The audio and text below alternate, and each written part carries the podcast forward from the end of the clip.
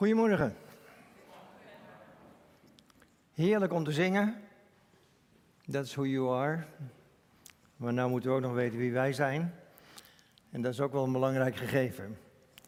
Want de kans lopen we dat onze liefde zal bekoelen. Het was uh, John Wesley die een keer uh, ergens stond te preken. En toen zei hij het volgende. Hij zei heel enthousiast tegen de mensen: Neem alles wat je krijgen kunt. Waarop een broeder enthousiast riep: Amen. Vervolgens zei Wesley: Houd alles wat je kunt houden. Waarop de broeder weer enthousiast zei: Amen. En toen zei Wesley: Geef alles wat je kunt geven. En toen zei dezelfde broeder: Wat zonde om een goede preek zo te verknoeien. Maar het gaat wel om het laatste. Geef alles wat je kunt geven. Simpelweg omdat geven hoort bij de hemel. God heeft niet een zoon, God gaf zijn zoon. En daarvoor heeft hij alles gedaan opdat wij zijn liefde zouden kunnen ervaren. We gaan naar Matthäus 24, vers 12 en 13. En daar staat dit. Jezus zegt, en doordat de wetteloosheid toeneemt, zal bij velen de liefde bekoelen, maar wie stand houdt tot het einde zal worden gered. Ik, ik weet niet of jullie dat een beetje herkennen, maar als je pas tot geloof bent gekomen, zoals ik op mijn achttiende in Amsterdam, dan sta je in vuur en vlam voor het evangelie, voor Jezus. Dan uh, wil je niets anders dan iedereen vertellen wie Jezus is we, ik reisde toen nog met de trein en de bus en nou, ik zat altijd alleen. Ja, jullie zeggen waarom? Omdat op het moment dat ik begon te getuigen, gingen ze opstaan en weg. Dus ik had altijd een zitplaats. Dus mochten jullie ooit een zitplaats in de trein zoeken. hè? Dat kan ook nog. Met andere woorden, het is dus zo dat ik was helemaal in vuur en vlam. En ik ken heel veel mensen die zo begonnen zijn. Vuur en vlam voor Jezus. En, en en soms kom je dan tot de ontdekking dat je nog zit te kleumen bij de restanten van een oud vuurtje. Het geloof werkt nog wel, maar het is niet helemaal meer zoals het begon. Het is een beetje uitgedoofd soms. En ik vroeg me af, hoe komt het nou dat je je eerste liefde, ja jij thuis ook hoor, dat je eerste liefde kwijt kunt raken en waar zit hem dat nou in? Het is, het is wel aardig dat psychologen en theologen, die hebben daar allerlei verklaringen voor. Maar een verklaring lezen schiet je ook niet zoveel mee op. Maar het is Jezus zelf die dan zegt, de liefde raakt bekoeld omdat de wetteloosheid toeneemt. En als je om je heen kijkt vandaag de dag, moet je ook toegeven dat we in een behoorlijk wetteloze tijd terecht zijn gekomen. Eigenlijk zou je het ook kunnen omdraaien. Want dat gebeurt er in de wereld. Als je goed luistert, dan hebben de mensen de woorden van Jezus omgekeerd. Omdat hun liefde is bekoeld voor God, neemt de wetteloosheid toe. Want dat is de andere kant van de zaak. Voor ons geldt als onze liefde bekoelt, neemt de wetteloosheid zal toenemen. Wij hebben een middel om dat tegen te gaan. Maar om ons heen zie je toch ook christenen waarbij de liefde bekoeld is en dan neemt ook nog weer die wetteloosheid toe.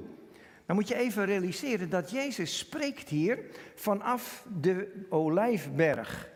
En dan kijkt hij naar Jeruzalem en dan staat hij daar met tranen in zijn ogen. En dan zegt hij de wetteloosheid zal toenemen en hij lijdt daaronder. En de vraag is, kunnen wij, willen wij eigenlijk nog lijden om de naam van Jezus? Ik, ik, denk soms wel eens in onze hele evangelische wereld dat we het lijden een beetje hebben afgeschaft. Lijden hoort er eigenlijk niet bij.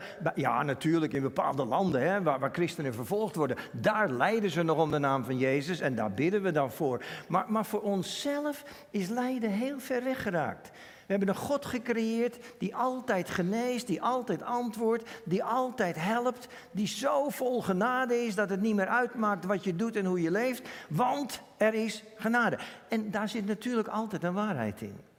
Alleen je kunt het ook weer overtrekken. Wij hebben gebroken met lijden. Wij geloven in welvaart. Wij geloven in zegeningen. Maar lijden, dat hoort bij een bepaalde groep. En, en waar je ook mee gebroken hebben, en, en, dat is wel gelukkig, met al die wetticisme toestanden, met die wettische regeltjes. Maar dat hebben we zo rigoureus gedaan, dat we ook weer dreigen enigszins wetteloos te worden. En we hebben een hekel gekregen aan wetten en wetten en toestanden. En daarom ga ik het vanmorgen met jullie thuis en hier niet hebben over Exodus en de tien geboden. Ik ga jullie meenemen naar een invalshoek van Jezus, die in Matthäus 22, vers 3 tot 6 zegt, en daar gaat het over vandaag. Ik lees het je voor. Daar is een koning en hij stuurde zijn dienaren erop uit om bruiloftsgasten uit te nodigen. Maar die wilden niet komen. En daarna stuurde hij andere dienaren op pad met de opdracht: zeg tegen de genodigden: Ik heb een feestmaal bereid. Ik heb mijn stieren en het mestvee laten afslachten of slachten. Alles staat klaar, kom dus naar de bruiloft. Maar ze negeerden het en vertrokken de een naar zijn akker en de ander naar zijn handel. En dan komt het, en de overigen namen zijn dienaren gevangen mishandelde hen en doodde hen. Je kunt zeggen, de wet is vervuld en dat is juist.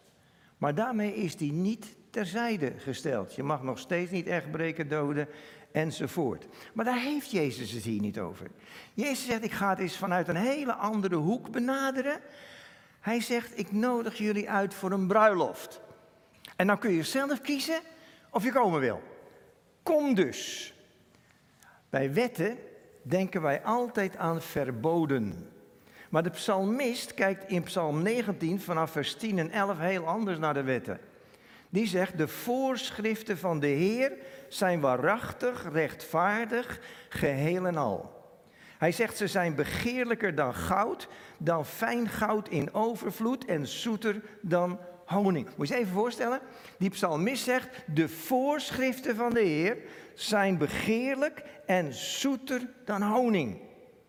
En, en nou is de vraag aan jullie vanmorgen, wat als die wet zo mooi is, waarom neemt dan die wetsverachting toe? Want wat is er dan fout met al die wetten?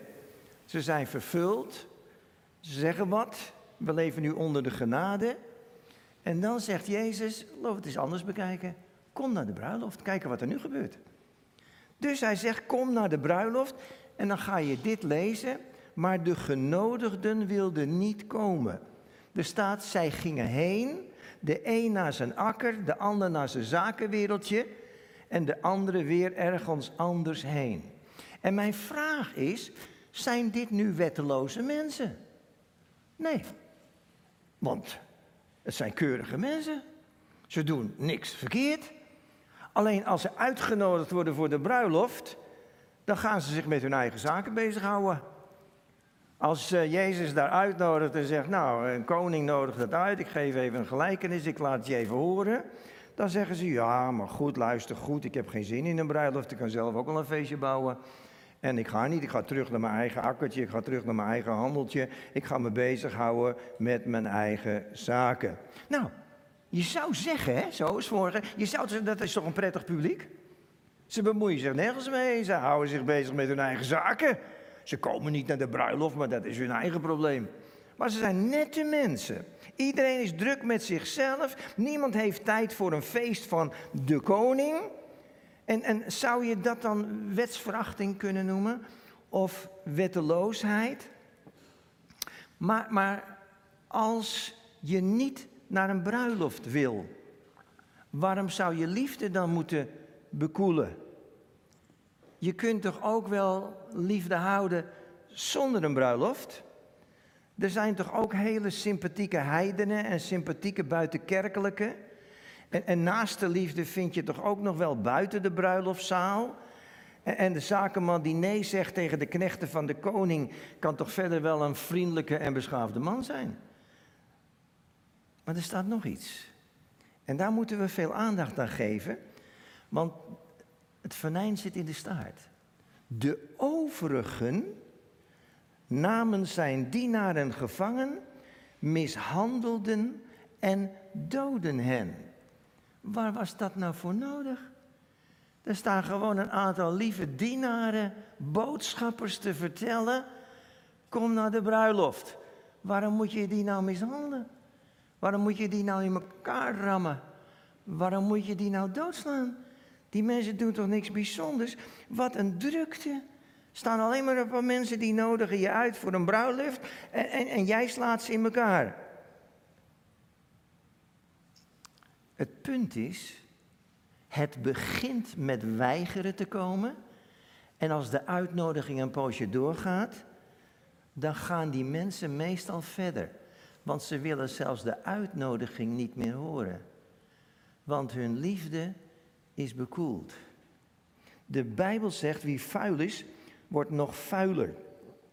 Je kunt wel beginnen met een onverschillige houding van wat kan mij dat hele evangelie schelen. Maar op de duur gaat onverschilligheid, onverschilligheid vaak over in vijandigheid. Het verhaal begint met ze willen niet komen en het verhaal eindigen, eindigt met we slaan ze in elkaar. En dan laat Jezus een belangrijk principe zien. Je merkt om je heen dat veel mensen beginnen met verdraagzaamheid. Je moet zelf maar weten wat je doet. Je moet zelf maar weten of je daarvoor kiest of daarvoor kiest. Alleen als je Jezus hebt aangenomen, dan zul je ook vrucht voort willen brengen. Dan is het niet een kwestie van ik geloof in Jezus, maar ik wil ook vrucht voortbrengen. En nou komt het tegenovergestelde. Wie de boodschap van Jezus afwijst, is vaak niet meer neutraal. Ik ontdek, het is of knielen of vloeken. Een prediking die niemand meer boos maakt of prikkelt, zal ook niet gauw meer mensen tot bekering brengen. Ergens moeten mensen geprikkeld worden. Heb je wel eens opgelet in het Oude Testament? Die profeten in het Oude Testament, die maakten bekeerlingen of vijanden. Een tussenweg was er niet. Je nam de boodschap van het evangelie aan, of je bracht de boodschappers om. Was geen tussenweg. En die tijd komen we in terecht. Dat is een stukje laatste tijd voor deze aarde. Je zag in het Oude Testament dat die oude boodschappers, die kwamen nooit met lege handen. Of ze brachten gasten mee vanuit het brengen van hun boodschap, of ze kwamen nooit meer terug. Evangeliseren is soms levensgevaarlijk. En het probleem zit nou in de woorden dat de liefde bij velen zal verkoelen. Gelukkig kunnen we vaststellen dat de humane akkerbouwer en handelaar zich koest hebben gehouden. En dan lijkt het niet zo dramatisch. Maar al die mensen die zich nu nog koest houden, zullen een standpunt gaan innemen. En dat zag je bij Jezus. Hij was super populair. Hosanna, Hosanna, de koning komt. En toen kwamen er steeds meer overigen dan je gedacht zou hebben. En ze riepen, kruisig hem. Weg met hem. De groep van de overigen werd groter en groter. De wonderdoener was niet meer in de picture. Het was alleen nog maar weg met hem. En na de bruiloft willen we helemaal niet meer komen, lieve christenen, want we zijn zo teleurgesteld in God, we hebben geen eens meer zin in een bruiloft. En dan is er nog een belangrijk woord en dat zegt, doordat de wetteloosheid toeneemt, zal de liefde bekoelen. Wat zien we om ons heen? Het onrecht neemt toe. We kunnen vaak de kracht niet meer opbrengen om nog liefde te hebben voor slachtoffers. We kunnen de omvang van het vele lijden in deze wereld niet meer bevatten. Ons medelijden dreigt over te gaan in onverschilligheid. Want er is zoveel nood dat we het niet meer aankunnen. En daarom dreigt je liefde te bekoelen. En omdat bij anderen de wetsverachting toeneemt, bekoelt bij ons de liefde. Onze liefde kan het allemaal niet meer aan. We panseren onze harten er is te veel nood, te veel oorlog, te veel zieke mensen, te veel zieke kinderen. Er is te veel van alles en dat is een gevaarlijke toestand. Doordat we zijn moe. De filosofen van deze tijd hebben het helemaal voor je uitgedokterd. Ze zeggen volwassenheid vandaag is niets anders dan de verzoening met de menselijke machteloosheid. Je bent pas volwassen als je erkent dat je machteloos bent. We kunnen er niet meer tegenop. Medelijden, zeggen dezelfde filosofen, is niets anders dan een welopgevoede vorm van verachting. Ons medelijden is veranderd, dan moet je maar niet in zo'n stom land gaan wonen en dan moet je maar niet zo dom reageren. En ons medelijden is verplaatst in de vorm van verachting. Jullie zijn allemaal zo stom. Je kunt rijk zijn. Je bent stom als je het niet bent. En nou klinkt dat zo pessimistisch. En dan ineens zit er in die eerste tekst een geweldige hoop. Want ik weet niet of het jullie opgevallen is, maar die hoop zit in dat ene zinnetje. Er staat niet bij allen zal de liefde verkoelen. Er staat bij velen. En vanmorgen spreek ik tegen mensen, hier en thuis, die zeggen, ja maar bij ons is de liefde niet bekoeld, ben je gek? Wij gaan er nog steeds voor. We hebben nog steeds diezelfde liefde van Jezus die in ons woont. En wij willen die wereld laten zien dat liefde alles overwint. We willen die wereld laten zien dat er nog een weg uit is, uit de situatie. We willen die wereld laten zien dat, dat wij mensen zijn van die enge poort. Oh, wat was die poort eng om erheen te gaan. Zo nauw, ook een beetje eng. Maar toen we er doorheen gingen, kwamen we op een smalle weg. En die smalle weg bracht ons in het licht. En die smalle weg brengt ons bij het doel. Wat Jezus heeft bedoeld voor de hele wereld. En ik weet ook wel dat er christenen zijn die hebben vastgesteld dat de smalle weg niet meer is dan het fietspad langs de brede weg. En als ik ze vraag, wandelen jullie op de smalle weg, dan blijken ze inderdaad op het fietspad te lopen. Maar dat is de smalle weg niet. De smalle weg is, ik heb gekozen voor Jezus. En ik blijf door Zijn liefde in mij, mijn liefde voor Hem behouden en ook voor mijn naaste. En ik ben door die liefde in staat gesteld om God lief te hebben en mijn naaste als mezelf. En als hij nou kans ziet dat die massa ook een beetje kennis maakt met die enge poort. Want die massa wil niet door die enge poort, die poort is eng. Ga er niet zo gauw doorheen. Maar als bij velen de liefde zal bekoelen, dan betekent toch bij jou thuis dat je nog vol liefde zit, want jij bent de uitzondering. En jullie hier zijn de uitzondering. Want waarom zou de liefde bij ons bekoelen? Als je werkelijk een ontmoeting hebt gehad met God die liefde is, dan vergeet je dat nooit meer. Dan kom je er nooit meer onderuit. Wij mogen blijven volharden, want wie volhardt tot het einde. En let wel, bij die volharding tot het einde gaat het niet eens over stand houden of volharden in de strijd. Gaat het niet eens over. Weet je waar het over gaat bij stand houden tot het einde? Volharden in de liefde. Vasthouden aan zijn liefde. Geloven dat zijn liefde er nog steeds is.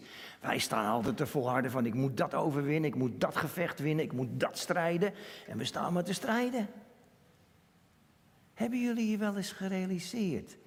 Als David door zijn vader gestuurd wordt naar zijn broers, dan gaat hij niet naar die broers om Goliath te verslaan. Dan gaat hij naar zijn broers om hen brood te brengen, staat er. En naar hun gezondheid te vragen. En terwijl hij daarmee bezig is, verslaat hij aan Goliath. Maar hij is bezig met zijn broers. Hij is bezig met liefde. Hij is bezig met brood te brengen. Hij is bezig met uit te delen.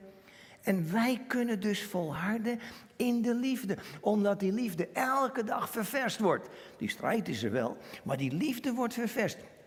En, en, en tot slot, wij hebben de middelen gekregen om met die liefde goed om te gaan door geloof en hoop. God is liefde en door in Hem te geloven en op Hem te blijven hopen, kom ik bij die liefde en gaat die liefde elke dag weer werken door mij heen en kan die liefde nooit bekoelen, want elke dag in de gemeenschap met God wordt het vuurtje weer opnieuw aangestoken. En denk je weer, gunst, bijna 8 miljard mensen op deze wereld. Moet ik dat hele stelletje lief hebben? Nou, niet allemaal. Maar begin bij de mensen die je tegenkomt. En dat zijn er ook al heel wat. En laat hen zien dat Gods woord met zijn liefde in jou woont. Als het woord van God bij jou is binnengekomen, als jij op dat woord bent ingegaan, dan kan het niet anders of jij wilt uitgaan. Want wat erin zit, moet eruit komen.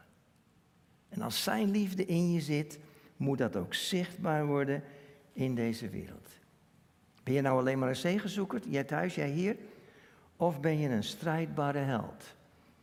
Die niet elke oorlog meteen wint, maar die elke dag weer vol is van de liefde. En dat weet vast te houden tot het einde, omdat God hem daarbij helpt. Daarin zijn we samen sterk. En met die visie moeten we verder. En daar wil ik voor bidden. Dat we dat met elkaar op een bijzondere manier zullen gaan ervaren. Ik wil graag voor jullie hier bidden. Ik wil graag voor jullie thuis bidden. Ik wil een moment van gebed hebben. En dan gaan we nog een lied met elkaar zingen. Laten we samen bidden. Vader in de hemel, wat heerlijk dat u er bent en dat u een God bent van liefde. Maar de liefde bekoelt en de wetloosheid toeneemt rondom ons, zakken we niet mee met wat er gebeurt in deze wereld. Want we zien op u. En u bent vol liefde. En waarbij velen de liefde zal bekoelen, Heer, geloof ik dat wij niet bij die velen automatisch hoeven te behoren. Want er zijn naast die velen nog allen. En daar willen wij toe behoren. Mensen die te midden van alles wat er fout gaat in deze wereld, niet meeheulen met de vijand, maar laten horen wie u bent. Als een oplossing voor alle problemen. Daarom wil ik jullie hier zegenen en dan wil ik jullie thuis zegenen, omdat je dat zult mogen ervaren op een hele mooie, bijzondere manier.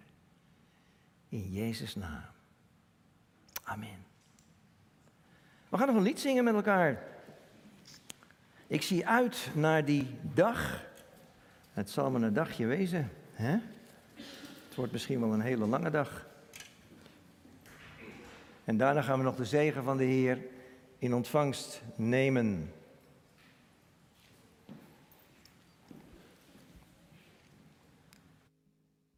Ja, de mannen beginnen en het tweede couplet is voor vrouwen.